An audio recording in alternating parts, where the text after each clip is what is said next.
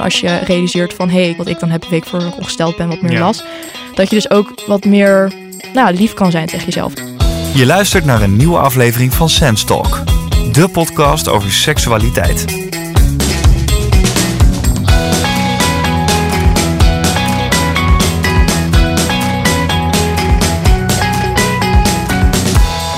En in deze 21ste aflevering van Sense Talk gaan we het hebben over menstruatieklachten.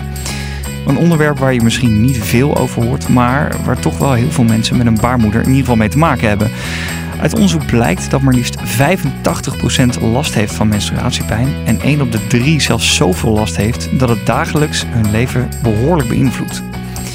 Ja, dat is nogal wat, dus daar moet ik meer van weten. En daarom ga ik in gesprek met twee jongeren die last hebben van menstruatieproblemen. In de studio tegenover mij heb ik India van 21 jaar en Jasmin van 24. Goedemorgen. Goedemorgen. Welkom, fijn dat jullie hier zijn. Ik wil eigenlijk met een hele simpele vraag eh, beginnen. Wat is menstruatie precies? Menstruatie, wat ik gewoon nu even simpel meteen denk, is menstruatie is gewoon maandelijks wanneer een vrouw dus geen, dat het niet zwanger is geworden, dus geen kindje heeft gekregen of niet zwanger is geworden. En dan bloed verliest. Daardoor de wand die eh, breekt af weer. Mhm. Die was zeg maar, had zich klaargemaakt voor eventueel een zwangerschap en die breekt af. En daardoor heb je bloedverlies voor volgens mij gemiddeld iets van vijf tot zeven dagen. En dat is dan één keer in de maand. Dus Ja. dat is menstruatie. Nou, ik had stiekem voor mezelf een kleine definitie opgeschreven. En dit is eigenlijk precies wat je zegt. Dus dat is top. top. En het wordt ook wel ongesteldheid genoemd, toch? Yes. Ja, ja, ja. Wanneer zijn jullie voor het eerst ongesteld geworden? Jasmin? Ik was negen jaar oud. En dat is echt heel jong. Maar dat was niet zo vreemd voor mij, omdat mijn moeder ongeveer hetzelfde heeft gehad. Die werd ook heel vroeg ongesteld. En ik denk dat dat echt een reden is waarom het me überhaupt allemaal later pas opviel wat er anders was aan mij. Omdat voor mijn moeder het allemaal normaal was. En op, die leeftijd is dat ook de enige, het enige referentiekader dat je hebt. Ik bedoel, met wie anders praat je erover? En ik weet nog heel goed dat ik er ook niet bang voor was en het niet raar vond, omdat ik. Dit is heel grappig, maar op dat moment zat ik heel veel op websites waar je gratis dingen kon bestellen. Dus gratis parfum samples en dat soort dingen. En ik had dus gezien dat je bij eh, OB van de tampons, dat je een informatieboekje kon bestellen met een paar eh, proeftampons. En in dat informatieboekje stond van alles en nog wat over puberteit. En dat was eigenlijk precies het juiste moment voor mij. Want eigenlijk heel veel dingen waar mensen dan later pas achterkomen of tegenaan lopen, die had ik toevallig al in dat boekje gelezen. Gewoon echt heel toevallig. want wat stond er dan in dat boekje? Eh, eigenlijk allemaal dingen over hoe je lichaam verandert. Over, eh, over afscheiding, over de vormen van je lichaam, over menstruatie en ehm, hoe je kunt voelen door hormonen. En, en dus over hoe bloedverlies bij menstruatie, dat je dat op verschillende manieren dus op kan vangen. En in hun geval, ja, zij verkopen tampons. Ja, Ook informatie over tampons en de, het gebruik ervan en de veiligheid ervan en zo. ja. Ik was iemand die heel erg nieuwsgierig was altijd en, en alles opzocht en las en deed. Dus toen eh, was het eigenlijk heel prettig voor mij dat ik op die manier me zo voorbereid voelde of zo. ja, dus je wist eigenlijk gelijk al wel een beetje wat er aan de hand was met je en hoe dat precies zat. En, eh, Ja, ja. ja, precies. Maar had je, je had dus wel ook al bij de eerste keer al last.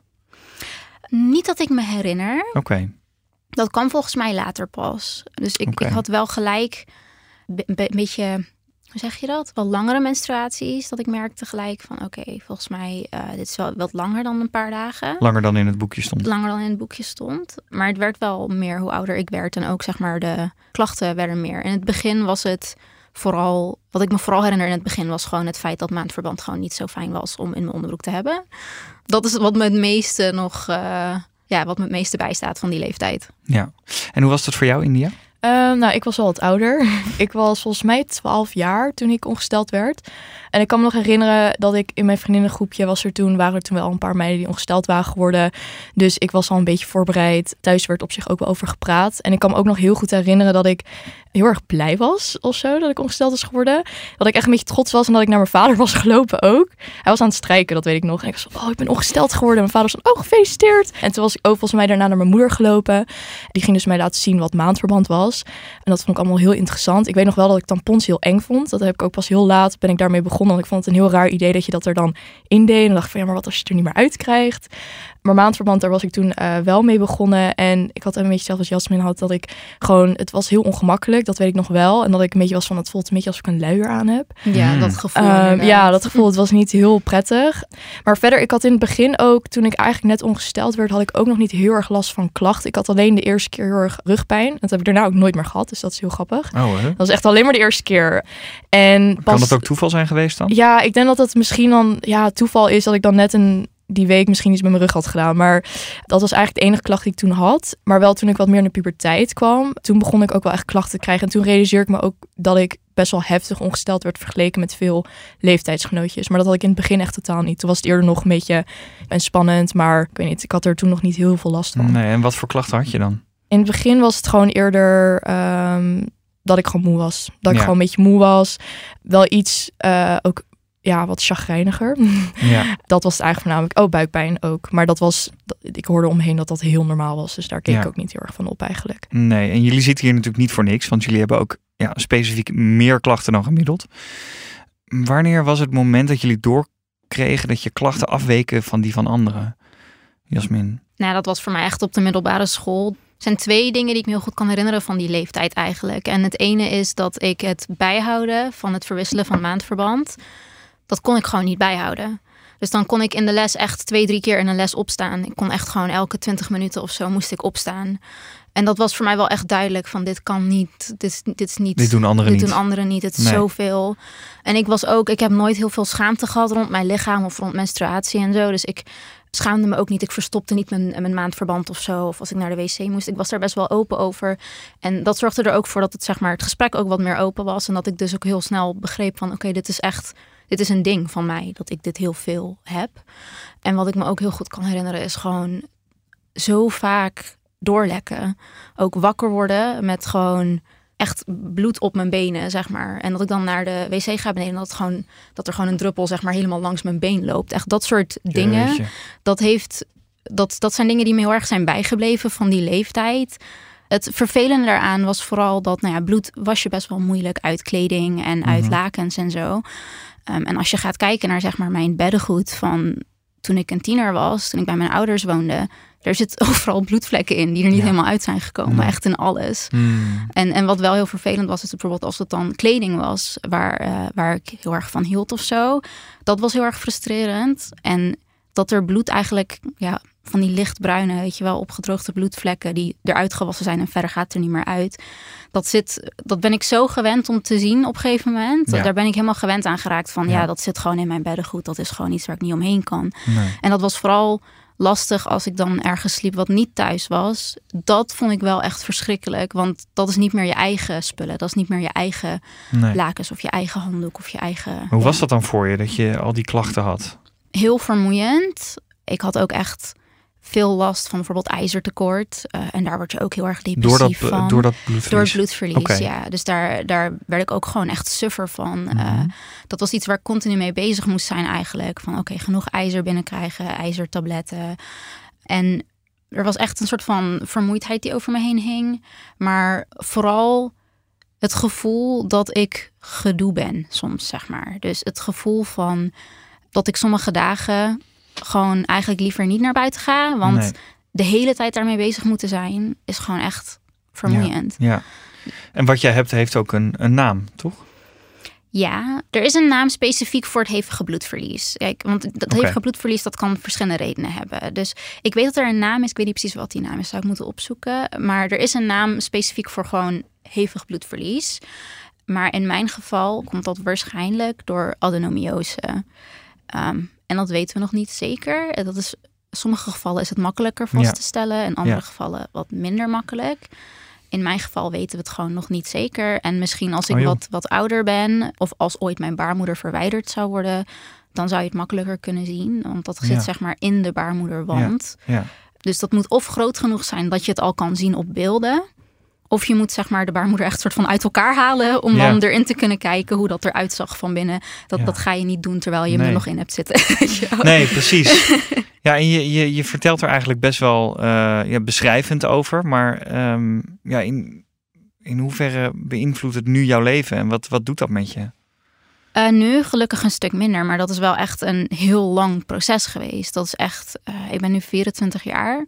Um, sinds ik een jaar of 10, 11 ben, loop ik hier echt tegenaan. En uh, ik ben zoveel naar de dokter geweest, naar ziekenhuizen geweest. Want um, er speelde wel meer bij mij. Daar kwam ik ja. echt later pas achter. Maar een heleboel had gewoon echt te maken met dat endometriose, adenomiose. En daar wist ik niet eens van dat bestond, dat dat iets was waar mensen last van hebben. Ja. Tot um, ik denk ik een jaar of 19 was. En dat ik op een feestje was. En dat ik toen ongesteld was. En het ging niet met mij. Ik voelde me niet lekker. En iedereen wist van mij. Van oké, okay, dat, dat ik zeg maar heftige menstruaties Ja. heb. Dat ik me dan Ja. echt niet goed voel. En zo. Dat, dat was bekend Ja, van mijn vrienden. Maar dat de vriendin van mij ineens tegen mij zei... Maar Jasmin, heb je wel eens gehoord van endometriose? Want toevallig een muzikante waar zij fan van is... ehm, die heeft dat. Eh, Wie dus, is dat? Halsey. Oké. Ja. Dus eh Halsey heeft het wel eens openbaar gehad over haar endometriose. En daardoor wist zij ervan. En Mhm. toen zei ze tegen mij van, maar heb jij dat niet ook?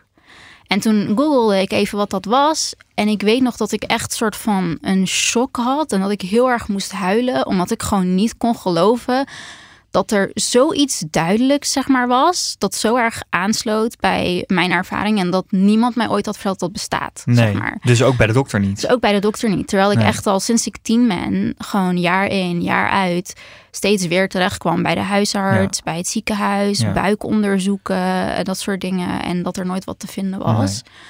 En toen was ik echt, ik voelde me zo soort van verraden of zo, dat ik dacht van, waarom heeft niemand me dit eerder verteld? Nee. Uh, maar op dat moment wist ik ook nog niet dat alles daarna ook niet zo simpel zou zijn. Nee. Want het is ook niet zo makkelijk te diagnosticeren. Nee. Uh, en het is ook niet zo makkelijk te behandelen. Dus daar begon eigenlijk ook nog een heel proces daarna. Ja, ja. Maar gelukkig kan ik inmiddels wel zeggen, na heel veel moeite, Ja. dat, dat het nu wel echt beter gaat. Ja, sowieso over dat huisartsdeel wil ik zo meteen meer weten. Maar ik zou van jou ook wel willen eh, weten, India. Hoe, hoe is dat voor jou geweest? Ehm, ja, voor mij was het. ehm, ik denk dat ik een beetje 15, 16 was toen ik er echt last van begon te krijgen. En bij mij was het eigenlijk altijd veel zichtbaarder. Ik had wel fysieke klachten, maar ik kreeg eigenlijk altijd heel erg last van mentale klachten. En dat Oké. was bij mij een beetje het ding waardoor ik begon te twijfelen van, oh, volgens mij is het ook wel iets heftiger dan leeftijdsgenootjes of vriendjes om me heen. En kon je dat ook gelijk ook koppelen aan je menstruatie? Eh, nee, het was eerder. Ik, aan de ene kant wel, want het was wel altijd heel duidelijk dat het altijd in een soort van patroon. Het is altijd eigenlijk vlak voordat ik ongesteld word, had ik gewoon echt, echt nog wel even een dipje van ongeveer een week. Dat ik gewoon echt even, ik weet niet, heel emotioneel was. Vaak ook opeens wat onzekerder. Dat viel me ook altijd heel erg op en veel meer in mijn hoofd zat. Ja, dat was, het was lastig, want het viel dus een beetje rondom de puberteit. En wat je dan een beetje krijgt, als je dan naar de huisarts gaat, is dat heel veel dingen worden geschoven naar, je zit in de puberteit, hoort erbij en daar kunnen we verder niet zo heel veel aan doen. Um, maar ja, ik ben nu 21 uh, en ik heb daar nog steeds last van. En ik zit niet meer helemaal echt volledig in de puberteit. Mm -hmm. En dat was eigenlijk dus toen een beetje, wat me ook heel erg opviel, is, nou waarschijnlijk gaan we er zo meteen ook over praten, is bij de huisartsen dat het Ja. ook niet heel serieus werd genomen. Uh, want Ja. het was gewoon een beetje, ja, het hoort erbij. Als je ongesteld bent, word je emotioneel. Maar ik had echt wel heel duidelijk dat ik ja, gewoon hele erge moedswings had uh, van tevoren. Ik had ook sowieso een hele zware ongesteldheid. Dus dat, had, dat hielp natuurlijk ook even niet mee. Mhm. Um, ik had ook, wat Jasmin ook een beetje had verteld, ik had zelf ook heel veel bloedverlies altijd. Ik wist ook niet zo goed dat dat anders was. Want ja, je praat toch niet, je praat wel een beetje over ongesteldheid, maar het is echt niet zo dat je naar school komt en dat je dan de klas binnenloopt van, nou jongens, moet je even horen wat vanochtend is gebeurd. Uh, Ik was helemaal doorgelekt en dit en dit en dit. Nee. Dus ik wist niet zo heel goed Daar dat had je dat... gewoon wel schaamte voor ook. Er was geen schaamte, maar het is Oh. denk ik eerder, het is toch, ja, je... Ik weet niet of dat schaamte was, maar ik denk eerder dat, het, dat je toch onbewust een beetje wordt aangeleerd dat, dat, je, dat elke meid er doorheen gaat. Ik denk dat dat het een beetje was. Dat het gewoon was van, ongesteld is altijd vervelend en je moet er maar een beetje doorheen. Ja. Um, maar er wordt je nooit echt uitgelegd wat nou eigenlijk een beetje normale klachten zijn en wat wat heftige klachten zijn. En dat is ook best Ja. wel lastig, want... um, Maar is er ja. wel normaal eigenlijk? Nee, dat, dat, dat wilde ik dus net zeggen. Nee, dat, dat is Ah, dus heel lastig daaraan. is een beetje, ik, ik, het viel me gewoon voornamelijk op dat het gewoon wat heftiger was dan de gemiddelde leeftijdgenoot. En ik had inderdaad dus uh, ook de zware ongesteldheid. Ik herken dat ook heel erg met dat je dus doorbloedt. Ik had ook wel heel vaak de fout dat ik dan een witte broek aandeed naar school. En dat ik dan in de les zat. En op een gegeven moment dacht ik, dan voelde je dat eigenlijk gewoon een beetje van, nee, dit gaat niet goed. En ik ben echt wel eens een keer in een tussenuur naar huis gefietst. Dat weet ik nog. En dan fiets ik gewoon heel snel naar huis. Dan ging ik douchen, omkleden. Ehm, maar ja, dat Nieuwe was broek dan- aan. Ja, een nieuwe broek aan. En dan kwam ik ook weer naar school. En van, "Joh, heb je omgekleed? Van, ja, Met een kan- Ja. knalgele broek sta je ja, daar. Nee, nee, niks nee, joh. hè, Dit je is het echt een over? herinnering die nu mij ophaalt, die ik helemaal was vergeten. dat heb ik ook wel eens gedaan. Ik heb Ja. dat echt heel Ja. vaak gedaan. Ja, en inderdaad, ik had ook wel eens als ik eh, bleef logeren bij mensen, heb ik ook echt zeker wel eens eh, dat ik dan opstond en dan zag ik bloed liggen op het matras en dacht ik, oh, moet ik weer uitleggen van Ja. sorry. Ehm, dus ehm, Hoe werd er dan op gereageerd? nou, het ding is, meestal werd er eigenlijk altijd wel, want het was dan vaak ook wel gewoon bij goede vriendinnetjes waar ik dan bleef slapen. Dus er werd altijd heel goed op gereageerd. En daar er was niet echt per se schaamte, maar het is gewoon, denk ik, voor jezelf heel vervelend, omdat je toch, ja, je, je bent toch een beetje tot last. En ik denk dat dat een beetje het, het gevoel is wat je hebt. Het is niet dat je je ervoor schaamt. Ik had ook vaak dat ik muziek heb gemeld eh, op Ja. school rondom mijn menstruatie. En dan voel je toch weer een beetje, ja, je wil niet, ik wil niet zeggen dat je dan voelt alsof je aanstelt, maar dat had ik dan toch wel een beetje. Dat ik dacht van, maar waarom moet ik muziek melden? En Je zijn bent er wel... meer bang dat andere mensen denken dat jij je aanstelt. Ja, dat je dan toch een beetje bang bent dat mensen zijn van, oh, maar iedereen heeft er toch last van. Dus eh, waarom kan jij je dan wel ziek melden en wij niet? Maar ehm, ik, kon, ik kon dan ook echt wel heel moe zijn. En dus inderdaad, dat mentale was dan vaak de week voor mijn ongesteldheid. En dat is iets waar ik uiteindelijk in het begin niet zo heel erg last van had, maar daar heb ik later steeds meer last van gekregen. Omdat Ja. daar werd al helemaal niet echt over gepraat. En dat merkte ik heel erg. Op een gegeven moment ook dus bij de huisarts elke keer. En vaak kreeg ik dan een beetje het antwoord van... Oh, maar dan moet je eigenlijk aan anticonceptie gaan. Dat heb ik uiteindelijk ook gedaan. Ik heb ook meerdere anticonceptiepillen geprobeerd. Maar helaas blijkt ook nog eens dat ik best wel gevoelig ben voor eh, synthetische hormonen. Wat waarschijnlijk de reden is überhaupt dat ik een beetje gevoelig ben voor hormonen. Waardoor ik waarschijnlijk de week voor mijn ongesteldheid ook wat heftiger reageer. Ehm, dus dat hielp echt totaal niet. Dat maakte eigenlijk dingen veel erger. En dat was heel vervelend, want dat was vaak een beetje de enige methode die ze voor je hadden bij de huisarts. Was van oké, de pil Ja. kan het beter maken. Ja. En als het pil het juist erger maakte, dan keken ze je ook een beetje aan van ja, we weten eigenlijk ook niet zo goed wat we hiermee moeten. nee. En dat kwam dus allemaal wat later bij mij, omdat dan pas ga je vaak aan de pil. En die pil die, die zorgde er eigenlijk voor dat ik steeds meer mentale klachten kreeg. Ja. En dan ging ik dus van pil naar weer een andere pil. Toen ik Maar weer dat, naar dat spiraal heeft gaan. echt specifiek met jou te maken natuurlijk. Ja, dat is inderdaad. Want op eh, zich is de pil qua anticonceptie niet per se een slechte optie. Nee, het is zeker een hele goede optie. Het ligt dus heel erg aan het individu die het gebruikt. En ik vind het wel jammer dat ik merk dat ik ook best wel veel meiden ken Mhm. in mijn omgeving die het gebruiken en ook niet een hele goede ervaring hebben. En daar dan val je echt een beetje in een soort van soort gat, want daar wordt echt niet verder, dan wordt er niet heel erg met je meegedacht. Dus de enige optie eigenlijk die jij kreeg is eh, Ja. probeer anticonceptie. Dat Ja. werkte niet en dan is het gewoon oké, dan... dan is het inderdaad Moet je ermee een leven van, of- ja, Maar wat ben je daar nu dan... Heb je nu andere opties? Zijn er dingen die jou nu wel helpen? Ja, het grappige is dat eh, omdat ik dus eh, op een gegeven moment ehm, echt een beetje klaar was met anti, nou niet anticonceptie eh, in het algemeen, maar gewoon Nee, hormonale anticonceptie. Ja. Ja. was ik zelf een beetje gaan zoeken en toen kwam ik erachter dat er ook gewoon heel veel nou, natuurlijke methodes zijn om gewoon je cyclus eigenlijk een beetje te Zoals? helpen. Ja, heel makkelijk voeding en beweging. En als je die een beetje afstelt op je cyclus, wat bij mij gewoon heel erg helpt is ik heb op een gegeven moment leerde ik over de vier verschillende fases van je cyclus. Kwam ik toevallig gewoon een keer tegen in een boek dat ik aan het lezen was. En blijkbaar is het zo dat in elke fase van je cyclus kan je bepaalde voeding eten. En het is echt niet heel ingewikkeld. Het zijn gewoon net iets andere groentes die je, die je kunnen ondersteunen. En iets meer op je beweging letten. Het is gewoon niet handig om als je ongesteld bent die week super Hard te gaan hard trainen. te gaan trainen. Ja, en waar, Dus- heb je dit, waar heb je dit vandaan gekregen? Ehm, ja, ik, ik zie het tegenwoordig steeds meer om me heen. Dus dat vind ik eigenlijk wel heel fijn dat je dat steeds meer ziet. Eh, maar ik had bijvoorbeeld een boek gelezen dat heet Period Power. Dat is Mhm. volgens mij ook best wel een bekend boek. Ik had ook nog, er zijn tegenwoordig heel veel boeken. Eh, Het is ook een boek heet Woman Code. Mhm. Ehm, Dus ik, ik had het zelf gewoon, omdat ik er natuurlijk heel nieuwsgierig was geworden. Omdat ik dacht van ja, bij de huisarts krijg ik niet heel veel informatie. Was ik gewoon zelf een beetje gaan lezen. ja, moet je natuurlijk ook een beetje mee uitkijken. Ja, klopt. Ja, dat is natuurlijk het ding. Als je vanuit de huisarts niet heel veel ma- informatie krijgt, dan moet je het zelf een beetje gaan doen. Maar dat is ook altijd niet Nou ja, heel wie weet, je kan zomaar op een site terechtkomen Ja, waar allemaal onzin staat wat niet te Ja, verifiëren is, daarom. te checken is. Ja, dus daarom was ik naar boeken gestapt. Omdat deze boeken zijn, eh, dat zijn gewoon geschreven door mensen die echt gewoon... Nou, de ene was dan eh, zelf ook gewoon een, eh, een wetenschapper. En die, Ja. heeft, die heeft, zeg maar, alles wordt onderbouwd door wetenschappelijk onderzoek. Dus het is niet zo dat ik op internet natuurlijk eh, ging Nee. intypen in Google van wat kan ik doen. Ehm, dus dat hielp gewoon heel erg. Ja. Ehm, dus je, je hebt heel veel gehad aan wat minder sporten tijdens je, eh, je menstruatie, tijdens je ongesteldheid. Ja. En net even wat andere voeding eh ja, proberen te eten, en dat, dat soort dingen. inderdaad. Ehm, maar voor de rest liep je dus toch wel een beetje tegen een barrière aan, als ik het zo mag zeggen, bij de huisarts. Ja. En daar had jij dus ook wel last van, hè Jasmin? Ja, op meerdere manieren. Eh, ik denk dat heel veel eh, vrouwen daar tegenaan lopen in het algemeen. Met alles, niet alleen maar met menstruatie. Mhm. Ehm, om eerlijk te zijn kunnen we denk ik ook wel gewoon zeggen dat de zorg voor vrouwen in, op veel vlakken achterloopt. Of in ieder geval niet adequaat is op dit moment. Er zijn heel veel dingen als het gaat om zeg maar vrouwspecifieke zorg of om baarmoederspecifieke zorg. Ja. Want dat zijn twee verschillende dingen natuurlijk. Maar die zijn, hebben allebei problemen. Waar er gewoon enorme gaten zijn in kennis. Ja, huisartsen die hebben, of, of alle zorgverleners, die kunnen echt een, een bias hebben zonder dat ze het misschien zelfs Wat is dat? doorhebben. Dus dat ze een soort van vooroordeel hebben. Dat ze Mhm. eh, op een andere manier kijken naar dingen wanneer vrouwen het vertellen. Dan wanneer een man het zou vertellen. Dat je het daar een voorbeeld van geven? behandeld. Nou, het is eigenlijk komt het heel erg neer op het feit dat ook in de wetenschap heel lang het lichaam van vrouwen is behandeld als vrouwenlichamen zijn anders en zijn een beetje raar. En die doen rare dingen zoals menstrueren. Veel onderzoek is vaak ook gedaan op mannen en niet op vrouwen, omdat dat makkelijker was. Omdat je dan geen rekening hoeft te houden met een menstruatie of een cyclus of dat soort dingen. En dat heeft heel lang nog gevolgen gehad.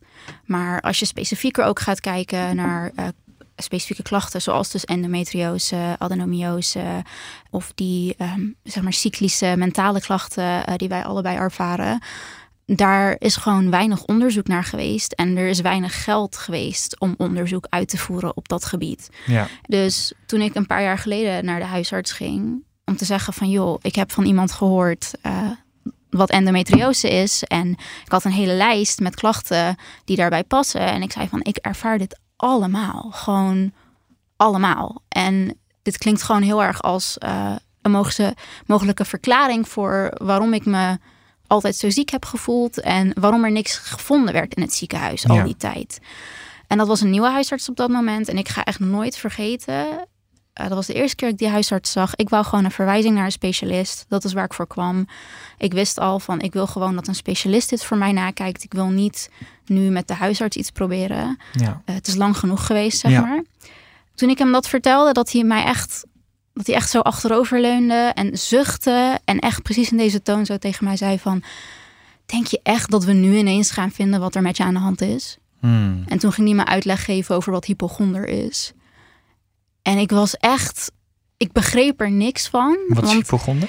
Hypochonder is een angststoornis. Eh hypochonder is een angststoornis waarbij je bang bent dat er iets mis is met je. Dus dan voel je iets in je lichaam en dan denk je: oh nee, oh nee, ik ben ziek, er is iets met me, Ja. er is iets ernstigs of zelfs ik ga dood. Oké, dus als ik het goed begrijp, zei die huisarts eigenlijk tegen jou... wat jij voelt heeft meer te maken met wat er in jouw hoofd allemaal afspeelt... dan wat Ja. er met jouw lichaam gebeurt. En eh, misschien moet je eh, daar misschien psychisch maar even proberen een oplossing voor te krijgen. Nou, dat, dat is eigenlijk wel een beetje wat hij zei. Maar ik zou het eigenlijk nog, nog sterker zeggen dat hij meer zoiets had van. Er is helemaal niks aan de hand. Stel jij, je niet aan. Jij stresst, je, jij stresst hier gewoon over. Jij zit hier gewoon mee. Mhm. Jij gaat hierover piekeren. Dat is jouw probleem. En dat is wat ik dus zo kwalijk vind. En dat ik heel vaak hoor van vrouwen. Dat ze dus zeggen van dat, dat artsen beginnen over hypochonder. Terwijl Mhm. Eh, ik ken mensen met hypochonder. Wat ik zei, het is een angststoornis. Dan ben je bang dat er iets met je is. Ja. En dat is heel anders dan, dan dat, er je... daadwerkelijk met je lichaam iets aan de hand is. Ja, ik was niet bang. Ik Mhm. was niet bang voor wat er met mijn lichaam gebeurde. Ik was niet bang dat er iets ergs met mij was. Ik was opgelucht om te horen dat dit het kon zijn. Ja. Ik dacht, oh, eindelijk. Dan Eindelijk zit- ben ik erachter. Is het dan ook het ding dat er zeg maar een naam zit aan wat je zo lang gevoeld hebt? Ja, Of is er ook daadwerkelijk iets wat je kan doen aan ennio? eh endometriose. Dankjewel, ja. best een moeilijk woord. Ja, op dat moment had ik gewoon hoop ehm, dat ik dacht van oké, misschien kan er eindelijk iets veranderen. Ik wist nog niet zo goed wat dat allemaal kon zijn, maar ik wist in ieder geval wel van als ik de juiste informatie heb, dan ben ik in ieder geval een stap verder. En dat ik het ook eindelijk kon uitleggen aan mensen en zelf beter kon begrijpen wat er nou echt speelde. Wat, wat is die aandoening eigenlijk precies? Uh, endometriose is eigenlijk weefsel dat in je uh, buik groeit. Het kan eigenlijk overal in je buik groeien. Dat er niet hoort te zitten. Uh, en dat kan ontsteken, dat kan pijn geven, dat kan verklevingen ook veroorzaken in je buik. Dus dat kan eigenlijk heel klein zijn, echt kleine stipjes die bijna niet te zien zijn. Die je dus ook op een echo niet zou zien, op een MRI niet zou zien. Omdat het er gewoon uitziet als, als normaal weefsel. Ja. Maar die jou echt pijnsteken kunnen geven of die je zenuwen kunnen irriteren. En die dus echt heel veel last kunnen geven. En ik noemde ook al verklevingen. Er zijn dus ook mensen die echt hebben dat bepaalde organen in hun buik echt uh, aan elkaar kunnen gaan verkleven. Dus je kunt last hebben van je blaas, je kunt last hebben van je maag, je kunt last hebben van je darmen. En ook gewoon van je baarmoeder dus. Ja, ja. Het is dus niet alleen maar menstruatie gerelateerd. Mensen denken dat vaak omdat het, um, nou, je hebt last van heftige menstruatiepijn bijvoorbeeld. Maar je kunt ook pijn hebben gewoon de hele maand lang. En dat het anders voelt uh, wanneer je hormonen dus dat weefsel prikkelen eigenlijk. Ja, ja. Wanneer zijn ze daar uiteindelijk echt achter gekomen bij jou? Het is bij mij nog steeds een beetje lastig. Want uh, ik heb de pech of het geluk, zo moet je het maar net zien, dat er bij mij heel weinig te zien is in mijn buik. Ik heb twee keer een kijkoperatie gehad. En dat is eigenlijk de enige manier waarop je echt kunt uitsluiten dat er niet is. Want wat ik zei, op een MRI of een echo kan het er gewoon uitzien als uh, elk ander weefsel. Dan zie je niet per se dat er iets afwijkt. Dus in mijn geval bij de laatste operatie waren er een paar kleine stipjes gezien en die zijn weggehaald. Uh, achteraf zei pathologie volgens mij dat het meer leek op littekenweefsel. En dat vond ik niet zo logisch, maar het maakte me eigenlijk niet meer uit, want ik wist Nee. dat het weg was. En ik wist dat, zeg maar, als er iets zat op dat moment, dat ze dat hebben weggehaald, dat zichtbaar was. En ze hebben me verder geholpen met mijn klachten, Uh, dus ik kom weer een tijd vooruit. En mocht het nou weer gaan toenemen ooit, mocht het nou weer echt zo erg worden dat ik een nieuwe operatie wil, dan ehm, zou het dus kunnen dat in de toekomst uh, het er anders uitziet en dat het misschien daardoor zichtbaarder is of Ja. beter te verhelpen is. Mhm, Ik heb mhm. nu zeg maar geaccepteerd dat dit is wat we weten Ja, en op dit moment ja. weten we niet meer. Ja, duidelijk. India, bij jou heeft het ook een naam waar jij last van hebt. Kan je daar meer over vertellen? Ja, dat kan ik zeker. Ja, ik denk dat best wel veel meiden al bekend zijn met PMS. Ik weet eigenlijk niet, volgens mij staat het voor premenstrual symptoms uit mijn hoofd. Syndrome Ehm, is het. syndrome, Ja. oké. Premenstrual syndrome? Syndrome, Ja. Oké, top. Maar dat is vaak voornamelijk fysieke klachten. En je hebt ook nog zoiets, ja, ik wist ook helemaal niet dat het bestond. En dat heet PMDD. En ik weet, eigenlijk- volgens mij is dat premenstrual... ehm Premenstrual dysphoric disorder. dankjewel. ja, dat is ook echt een woord. 10 punten voor Jasmin. ja, zo. Heel knap. Heel goed. Dat rolde er ook goed uit. Ja, Ja. zo, ik wist het zelf geen eens. Maar ik noem het even PMDD dus. Ja, En dat is altijd een beetje, ik vind het een beetje lastig überhaupt om het erover te hebben, omdat ik zelf ook, zeg maar, het is heel vaag.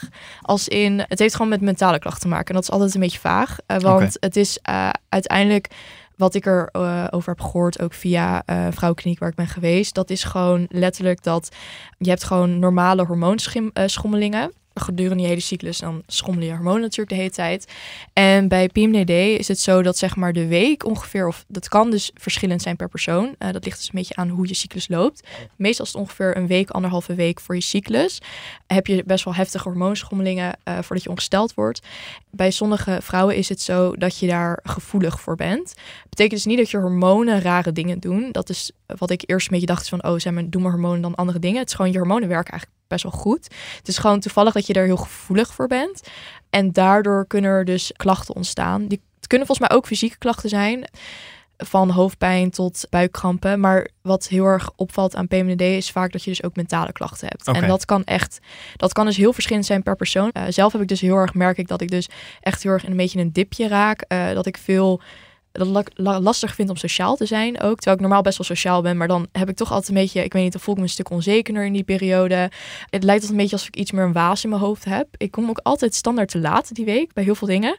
Dat is ook iets heel opvallends. Maar het, gelukkig heb dan ik ben je niet ongesteld op dit moment. Want Nee, vandaag was je echt... eh, ja, precies. Stipt. Dus eh, dat kan dus afhangen van de persoon. Want je kan bijvoorbeeld ook last hebben van paniekaanvallen. Dat heb ik in het verleden wel eens gehad Mhm. ook. Dat ik gewoon voor dat ik ongesteld word, dat ik soms gewoon paniekaanvallen kreeg eh, zonder reden. hmm. Mm. Eh, kon echt gewoon lekker chillen op de bank. En dan opeens dan kreeg ik heel stressgevoel.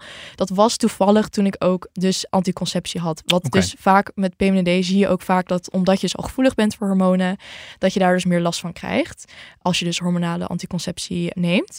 Vandaar dat ik er ook mee ben gestopt uiteindelijk. Mhm. Maar dat kunnen dus heel veel verschillende klachten zijn. En dat hangt dus ook een beetje af per persoon. Maar het valt, wat eigenlijk gewoon heel belangrijk is om over te weten, is dat het gewoon heel erg opvalt. Bij PMDD is het gewoon echt precies ongeveer de week of anderhalve week. En dat ligt dus wel een beetje aan de persoon, maar dat moet je zelf erbij houden. Dat je dan alleen klachten hebt. De rest ook niet. Nee. Dan voel je echt helemaal prima, helemaal oké. maar het is echt alleen die week voordat je ongesteld wordt. Ja. En dat valt gewoon heel erg op, want dat heb je verder niet zo snel Ja. dat je... eh, dat kan ook niet bij een psychische stoornis bijvoorbeeld. eh, dat je echt alleen maar één week last hebt van klachten. En dat valt dus heel erg op dan. En dat is dan vaak PMDD. Maar je kan daar niet heel erg duidelijk een diagnose voor krijgen. Dus dat maakt het een Ja. lastig.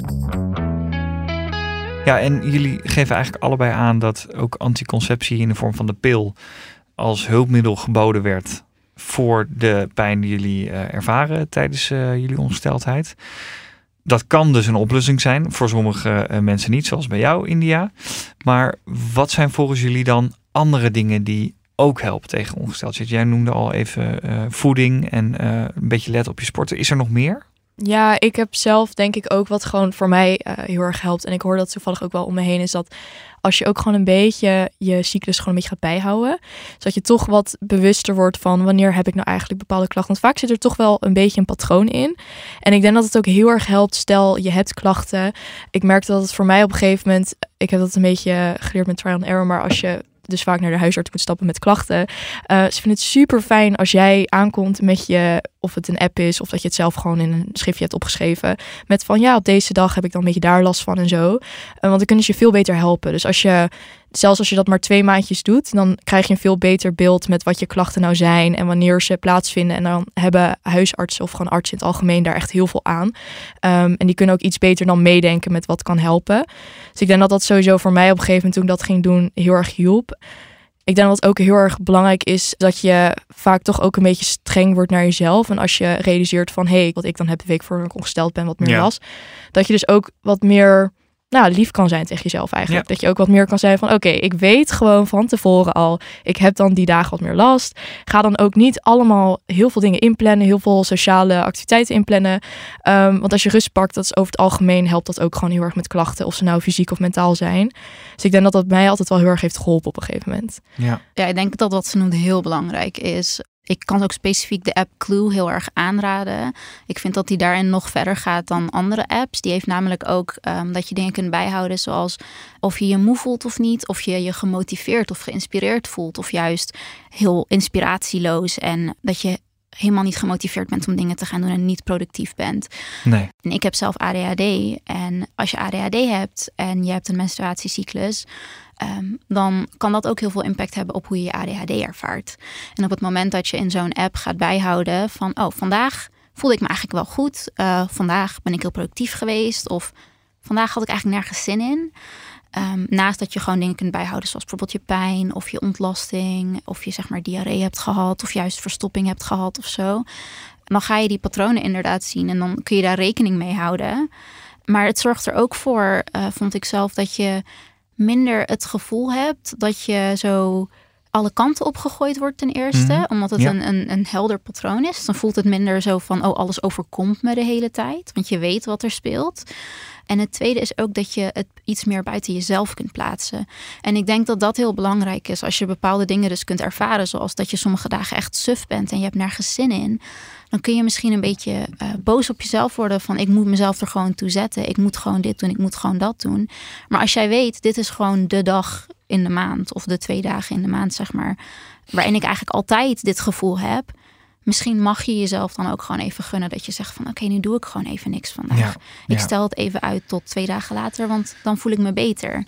En, en als we het hebben echt over mentale klachten, dus echt eh, dingen zoals dat je je depressief voelt, dat je je angstig voelt, dat je onzekerder wordt eh, in bepaalde momenten in je cyclus, dan is dat zo helpend als je dus kan aanwijzen van oh, dit is, dit is cyclisch, dit is niet echt Nee. hoe ik me altijd voel. Nee, nee. Ik heb toevallig ook eh, ooit een gesprek gehad met een huisarts. Die, was, uh, die heeft dat toen ook op een gegeven moment gezegd van... hey, um, ben je niet misschien bipolair? Um, en toen moest ik meteen denken aan ook een soort van advies naar alle meiden die last hebben van menstruatieklachten. Is dat je moet ook gewoon lekker bij jezelf blijven. En je weet vaak zelf ook best wel goed wat klopt en wat niet klopt.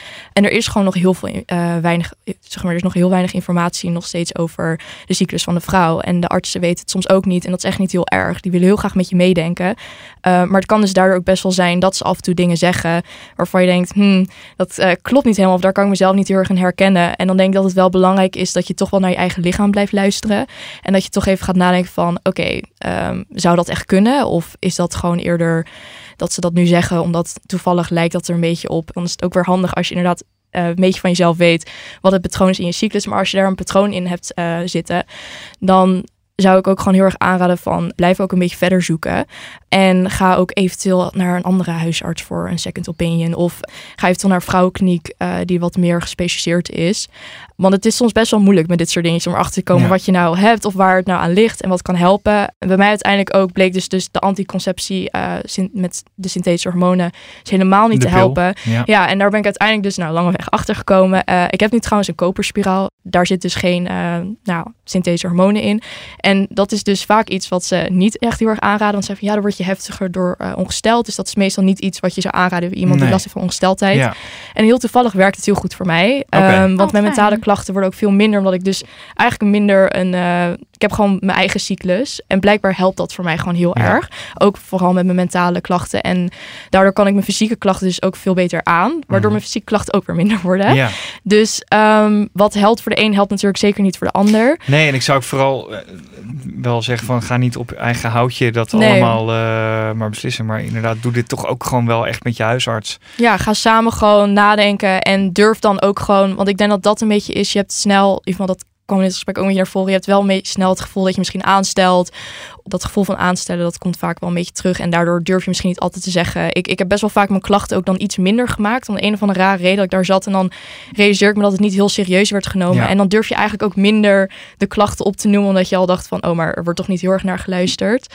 Ja, Dus- jij was eigenlijk een beetje bang voor dat je niet eh, serieus genomen werd. Wat ook reëel is, want dat is jou natuurlijk ook overkomen. Ja, je Ja. wordt toch wel een beetje, ja, klopt. Dan ga je toch een beetje, je gaat je Gaat een beetje inhouden. Ja, je je gaat het gaat het kleiner downsizen.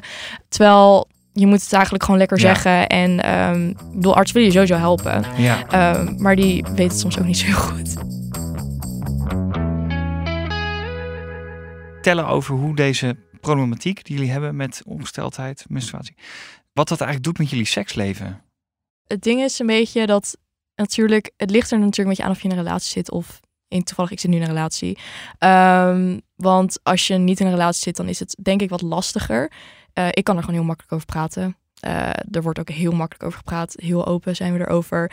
Ehm, omdat ik niet heel erg veel fysieke klachten heb, heeft het dus niet heel veel impact op mijn seksleven. Op de manier dat ik zeg maar bijvoorbeeld geen seks kan hebben op een bepaalde periode. Ja. Wat sommige vrouwen Tijdens wel. vrije heb je dan geen last. Nee, ik heb gewoon geen last tijdens vrije. Ik heb ook, ja, ik heb gewoon heel, fysiek klachten zijn gewoon gelukkig bij mij niet zo heel intens. Ik heb Mhm. zelfs bij buikkrampen helpt het dus heel erg om seks te hebben. Ja. Dus dat is bij mij, gelukkig heeft dat nooit echt heel veel impact gehad. Ik heb wel gehad, als ik dan heel heftig ongesteld was, toen ik nog niet in een relatie zat, is dat ik ben niet heel erg vies van seks terwijl je ongesteld bent. Dat Mhm. eh, vind ik eigenlijk prima. Maar omdat ik best wel heftig ongesteld ben, kan dat wel een beetje, ja, toch wel een beetje mensen laten schrikken Ja. als je dan seks gaat hebben. Dus ik moest dan wel, stel ik zou eh, met iemand seks hebben op dat moment en ik ben ongesteld, moest ik wel altijd heel duidelijk maken van, ik ben wel heftig ongesteld. Hmm. Dus het is maar net of die persoon dat fijn vindt of niet. Ja. En hoe Ehm, werd er dan op gereageerd? Ja, dat ligt dan misschien een beetje aan de mensen die, eh waar je op dat moment... Ja, ik had gewoon dat, eh, die gast die er, waar ik dan mee over had, ja, die vonden dat echt geen probleem. Dus die waren van, nou, leg gewoon handdoek onder. En dacht ik, ja, top. Ehm, maar ik kan me voorstellen dat er ook wel eh, anders op gereageerd kan worden. Ehm, maar ik had wel mazzel daarmee dat het eigenlijk altijd... Ik zei het gewoon even en dan werd er ook even luchtig over gedaan. Was Mm. het gewoon even ter sprake gekomen. En dan Ja. Was er niet een heel groot probleem Ja. eigenlijk. En dan heb je het echt over het fysieke, maar het mentale heeft dat wel nog invloed? Ja, ik denk dat het op mijn seksleven heeft dat dus nooit echt invloed gehad. Eh, ik zit natuurlijk wel in een relatie, dus daar heeft het dan wel weer invloed op. Dat Ja. is natuurlijk wel weer anders, want ja, dan maakt iemand je ook mee, zeg maar, de hele tijd, ook dus tijdens je wat naar, naardere week. En daar heb ik gewoon echt een beetje, dat heb ik een beetje moeten leren om daar gewoon heel Mhm. erg open over te zijn. Ja. En ja, ik en mijn partner praten er echt heel goed over. Ik denk dat het ook belangrijk is dat je het een beetje luchtig houdt. Want het is soms dan kan ik in zo'n week ook echt. Nou, we hadden het een beetje over dat je onzeker gaat doen of zo. Ik had laatst moest ik naar een feestje gaan. En ik ben echt normaal denk daar totaal niet over na. Ik vind het helemaal leuk. En om de een of andere reden had ik nu echt. Ik was ook niet zo lekker. En ik wilde eigenlijk niet naar het feestje. En toen was van ja, je bent niet lekker, ga dan niet. Als ik maar wat als ik nou niet ga? En dan ging ik helemaal nadenken van ik moet eigenlijk wel gaan. Want mensen verwachten dat ik Ja. ga. En dan zit mijn vriend ook echt aan te kijken van. Je, je, Ja. hebt gewoon even je week niet. Je moet Nee. even Dus communicatie is daar eigenlijk gewoon heel belangrijk in. Ja, want hij kan- gewoon samen ja, eh, hij weet aftikken, en, zeg en dan weet hij ook gewoon dat hij tegen mij mag hij dan ook gewoon zeggen van, "En je zit nu gewoon even weer helemaal in je Hmm. hoofd, je moet er even uit. En dan is het ook aan jezelf om daar natuurlijk dat gewoon weer goed op te Ja. pakken natuurlijk. Dus je moet er wel eh, zelf ook een beetje dan zeggen, verantwoordelijkheid. ja, eh, verantwoordelijkheid afnemen, Niet eh, dat je dan chagrijnig Ja. reageert, dat helpt natuurlijk niet. Maar Nee. ik denk eh, het ook gewoon lekker luchtig houden en er een beetje grapjes over maken mag ook gewoon. Het Nou, dat is wel heel fijn dat dat eh, in ieder geval voor jou zo, eh, Ja. zo op die manier Ja. dan uitpakt. Zeker. En hoe is dat voor jou, Jasmin? Nou ja, ik heb best wel een andere ervaring wat bij mij zo fysiek is. Ja. Ehm, dus ik heb echt periodes waarin ik gewoon echt uitgeschakeld ben geweest. Periodes in mijn leven waar ik gewoon eh, best wel uitgeschakeld ben geweest. En ehm, door alle pijn en alle klachten. Ehm, en dat is wel echt lastig ehm, als je in een relatie zit dat je eh, überhaupt zo weinig beschikbaar bent. Eh, gewoon nog los van seks. Gewoon het feit dat je überhaupt er minder bent. Of in ieder geval minder jezelf bent. Of minder Ja. kunt doen samen. Ehm, dus dat is echt wel pittig geweest soms. Inmiddels gaat het wat beter met me. Dus dat is Mhm. ook een stuk makkelijker. Mhm. Maar op een jonge leeftijd ook last hebben van echt pijn. En ook Ja. specifiek pijn bij seks en zo. Dat kan echt lastig Want dat zijn. had je. je had En ook, dat, dat had ik, ja. Ik had wel echt last van pijn gewoon. Mhm. En, eh, en dat kan heel, heel verdrietig zijn. Eh, ik kan me voorstellen dat het voor veel mensen ook beschamend kan zijn. En dat had ik niet per se. Het was meer een soort van teleurstellend of zo. dat het zo Eh, bij jou werkte. dat het zo werkte. Ja. Ehm, en, en ook vooral als je tijden hebt waarin het gewoon wel heel leuk is eh, met je partner. En dat het dan misgaat, zeg maar, voor je gevoel. Of dat je dat stukje in je relatie dan ineens tijdelijk mist. ja. Eh, dat is heel lastig. En hoe ben je daar toen mee omgegaan? Ik heb daar toen heel erg geluk mee gehad. Mijn partner is altijd heel eh, supportive geweest, zeg maar. Die, ehm, er was ook nul schaamte tussen ons. En dat is iets dat we denk ik allebei heel erg... volgens mij het ook wel genoemd. Het is zo belangrijk dat je erover kunt praten met je partner. Mhm. Eh, dat is zo, zo belangrijk dat er geen schaamte is. En dat je niet het gaat bestempelen als zeg maar jouw probleem. Waar jij zeg maar in je eentje mee zit. Of dat jij moet verhelpen. Ja. Want dat is niet zo. Nee. Dit, dit is zeg maar de staat van hoe jij bent. En daar moet je samen mee omgaan. Van hoe gaat onze relatie er dan uitzien? Of hoe gaat seks tussen ons er dan Ja, uitzien? precies. Dat moet je samen uitvogelen. Ehm, dus als je daar zo eh, wat meer mee bezig gaat. Als je het hebt over dingen zoals pijn. Soms zijn er dingen die kunnen helpen met pijn. Soms kun je nadenken over eh, over houdingen, over wat voor handelingen je doet samen, eh, wat wel prettig voelt, wat niet prettig Mhm, voelt, dat mhm. samen uitzoeken. Maar daarbij wil ik ook zeggen van je bent niemand seks verschuldigd. En dat vind ik ook wel belangrijk om te zeggen. Van het is leuk om samen te kijken van hoe kunnen we het nog steeds leuk hebben nu ik me zo voel op dit moment. Wat kunnen we wel, wat kunnen we niet. Nee. Maar het is niet zeg maar jouw verantwoordelijkheid of Ja. zo om, om een manier te vinden Nee. om nog steeds Dus communicatie en, en grenzen stellen was daarin eigenlijk ja, voor jou daarin het belangrijkste. Ja, precies. En inmiddels gaat het gewoon echt een stuk beter met mij. En dat heeft ook mede te maken met dat ik hormonale anticonceptie heb die nu wel heel goed voor mij werkt. Ja. Waar ik echt heel blij mee ben. Dat heel goed de klachten voor mij, zeg maar, eh, dempt, zeg maar. Mhm. En nu is het wat ik vooral merk, dus echt dat, dat PMDD-klachten, ehm, dat ik dus soms eigenlijk gewoon niet zo goed kan doen wat ik moet doen Mhm. en misschien negatief ben of wat meer eh, geruststelling nodig heb. eh, en wat meer dat iemand anders meedenkt, omdat ik zelf gewoon overal gelijk van denk van "Eh, het lukt allemaal niet of zo. Maar nu ik dat weet, weet ik ook van de dagen waarop ik me wel heel erg fris voel en denk, oké, nu kan ik er tegenaan. Dan ga je Dan, voor. dan ga ik juist Precies. dan bijvoorbeeld denken van, oké, Ja. nu ga ik wat doen voor ons. Nu ga ik Hmm. wat meer in het huishouden doen. Het, het hangt voor mij heel erg, heel erg samen, allebei Mhm. ook. Van, Ja, het, is, het, het is uiteindelijk je relatie, niet Ja. alleen maar de handeling van seks. Zoals we horen, jullie hebben inmiddels natuurlijk best wel een behoorlijk proces meegemaakt rondom eh, dit thema. Ehm, wil je nog iets kwijt aan de mensen die nu op dit moment te maken hebben met eh, menstruatieproblematiek? Of bijvoorbeeld die net zijn begonnen met eh menstrueren. Ik zou eigenlijk uh, misschien even samen willen focussen op zeg maar wat is normaal en wat is niet normaal. Wat betekent dat en hoe ga je daar mee om? Want ik denk dat het heel belangrijk is dat als iemand dit hoort en dat ze zich herkennen in oké, misschien is wat ik ervaar niet normaal of, uh, of niet oké uh, of moet ik er iets mee? Van wat betekent dat nou echt? Dat lijkt me sowieso zeg maar, lastige vraag om te beantwoorden. Misschien is het dan beter om dan te zeggen van wat is zorgelijk en wat is acceptabel. Dus wanneer heb je een klacht die zorgelijk is, dus waar je iets mee zou moeten voor je eigen gezondheid. En wanneer is een klacht niet acceptabel, omdat je er zoveel last van hebt dat je daar iets mee moet, zodat je je beter kunt voelen. En, en dat zijn denk ik twee dingen die heel belangrijk zijn om over na te denken. En is dat dan nog ook nuttig om niet alleen met je huisarts, maar ook met anderen daarover te hebben? Ja, en, en bijvoorbeeld ook. Gewoon met ehm, naaste vrienden, familie. Een concrete vraag stellen, zoals: kan ik iets doen aan dat bloedverlies? Of een concrete vraag stellen, zoals: zijn er misschien betere uh, manieren om mijn pijn te bestrijden? Want pijnstilling die je thuis neemt, zoals bijvoorbeeld ibuprofen of naproxen, mm dat is uiteindelijk niet heel gezond om de hele tijd te blijven nemen. Als je dat vaak neemt, dat is niet goed voor je maag dat soort dingen. Hm. Dus dat zijn misschien concretere vragen om te stellen aan je huisarts. Maar er zijn ook grenzen waarnaar het wel echt wordt van oké, nu moet je misschien wat serieuzer en wat, wat dieper gaan nadenken en wat meer informatie gaan zoeken. Want op het moment dat je bijvoorbeeld echt flauw valt van de pijn, of dat je moet overgeven van de pijn, uh, of dat je niet kunt lopen van de pijn, dat, dat is nooit oké. Nee. En vaak heeft dat te maken met dingen zoals endometriose of een kieste en dat is wel iets wat echt de gynaecoloog dus naar zou moeten deur. kijken. Ja. ja. En als je het gevoel hebt dat er niet goed naar je geluisterd wordt, wat zou je dan doen? Ik zou sowieso zorgen dat voordat je een stap zet, zoals echt naar een specialist gaan voor iets als endometriose, dat je eerst informeert bij patiëntengroepen bijvoorbeeld. Er is een organisatie in Nederland, uh, de Endometriose Stichting, en zij hebben ook een Facebookgroep waar je in kunt. En de reden dat ik dat zeg is omdat je heel snel kunt verdwalen. En je komt op zeg maar wachtlijsten natuurlijk als je naar een, specialist gaat. En dat kan dus best wel lang duren voordat je bij mhm. iemand terechtkomt. En dan wil je niet dat je zeg maar al die tijd eigenlijk verspilt. Omdat je bijvoorbeeld bij de verkeerde arts terecht bent gekomen. Een verkeerde verwijzing hebt gehad. Of dat je daar komt, niet goed voorbereid was op zeg maar wat uh, het gesprek kan zijn. Of wat de uitkomst kan zijn. En dat je daarna compleet verloren voelt. Terwijl je ondertussen toch ook die, die pijn blijft, blijft voelen natuurlijk. Precies. Ja, dus eigenlijk zeg jij van zoek hulp. Uh, ga er met je arts over in gesprek. Als je het gevoel hebt, wordt misschien niet helemaal serieus genomen. Ga dan ook, kijk dan verder. Kijk dan naar die patiëntgroepen. Ik, ik zou zeggen bij sommige specifiekere dingen, zoals bijvoorbeeld endometriose. Mhm. Bij endometriose zou ik zeggen, ga eigenlijk altijd kijken naar de site van de endometriose stichting. Ga altijd op zoek naar zo'n groep, omdat ik denk dat je uh, dat specifiek bij die klacht, als ik kijk naar hoe zorg in op dit moment is, ja.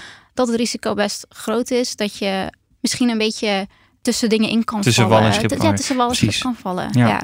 En jij India, want sorry, we zaten natuurlijk bij de vraag. Ja. Uh, wil je nog iets kwijt aan de mensen die nu op dit moment te maken hebben met die problematiek? Uh, heb jij hier nog iets aan toe te voegen? Um, ja, ik zat even te denken, want er, is natuurlijk, er zijn best wel veel goede dingen gezegd. Ja, er is al heel veel gezegd. Um, ja, ik zat zelf, toen die vraag werd gesteld, dat ik meteen ook toevallig in mijn hoofd meteen te denken van, ja, het lastige hieraan is natuurlijk, je hebt echt medische zeg maar, klachten die uh, heel medisch kunnen zijn, waar natuurlijk best wel snel aan de bel uh, voor moet worden getrokken. Um, maar je hebt inderdaad ook klachten die gewoon een beetje kwaliteit van het leven gewoon een beetje beïnvloeden. Uh, en dat is soms een beetje lastig, denk ik, met menstruatieproblemen, is dat um, daar toch een beetje een soort van vage grens ja. tussen is. Ja. Um, dus ik denk ook uh, wat heel erg helpt, is in ieder geval over praten. Zelf merkte ik ook altijd dat zodra ik er zelf een beetje over begon, dat er zoveel meiden omheen waren van, oh, maar daar heb ik ook last van, of dit mm. en dat. Of dan hoorde ik een verhaal van iemand die was van, oh, maar dit heb ik zelf gedaan en dit heeft mij heel erg geholpen. Ja, juist um, dat je ehm, daarover kan sparren, dat ja, helpt ook weer. Precies, en dan kan je elkaar, en dan kan je eigenlijk ook een beetje peilen van, Soms wat is je... tussen haakjes normaal? Of ja, en het is gewoon inderdaad, dat blijft heel lastig van wat is normaal. Maar het is inderdaad, het helpt wel als je met elkaar er een beetje over hebt. Want je komt dan toch weer nieuwe tips tegen mm. door je zelf niet over na te gedacht. Of misschien heeft iemand toevallig een huisarts die wel iets wist. Die heeft dat verteld aan diegene, maar jouw huisarts wist dat nog niet. Um, dat kan natuurlijk ook heel goed gebeuren. En dan uh, krijg je dat toch weer mee als je erover praat. Dus ik denk inderdaad, erover praten helpt gewoon heel erg. Vooral omdat ik denk dat heel veel meiden ook zich nog niet heel erg gehoord voelen af en toe. Um, En het ook soms een beetje spannend is om bijvoorbeeld met Mhm. je huisarts over te praten. Dat zou ook nog natuurlijk heel Ja. goed kunnen. Dus ik zat daar gewoon meteen na te denken Ja. van eh, durf daar gewoon lekker over te praten. Want eigenlijk altijd als ik erover heb, dan iedereen in mijn omgeving of iedereen die erbij zit qua de mij of de mensen die een baarmoeder hebben, zegt van oh, maar daar heb ik ook last van. Of oh, dit en dat. En dan ga je er gewoon een beetje over lullen en dan reageer je Ja. van oh, oké. het- Dat helpt gewoon. Ja, dat helpt Precies. ook. En je voelt je ook een beetje gehoord. En het is toch wel fijn om er af en toe even... Want vaak hou je het toch wel een beetje sterk. Ehm, en af en toe hoeft dat even niet. En vooral niet bij mensen die, die eh, kunnen relaten. En dan is het toch wel fijn dat je met z'n allen een beetje kan zeggen van... Oh ja, Ja. dat is af en toe wel vervelend. Ja. Dus ja, daar zat ik voornamelijk over na te denken. Dank jullie wel. En dan zou ik graag zelf toch ook nog eventjes willen noemen dat als je nou zelf de stap neemt naar het internet om eh, op te gaan zoeken wat er misschien met je aan de hand is, ja, pas dan echt op met wat je allemaal tegenkomt. Want het internet staat vol met hele goede informatie, met ook, maar ook met informatie die misschien af en toe niet helemaal te vertrouwen is. Dus start gewoon bij ons, zou ik zeggen. Sens.info kan je van alles terugvinden, eh, ook over dit onderwerp en verwijzingen naar eh, dit onderwerp. Nogmaals, dank jullie wel, Jasmin en India. En jij bedankt voor het luisteren naar de 21ste aflevering van Sense Talk. Tot de volgende. Dit was Sense Talk. Wil je meer weten? Ga voor al je vragen over seks naar sense.info. Voor nu, bedankt voor het luisteren en tot de volgende aflevering.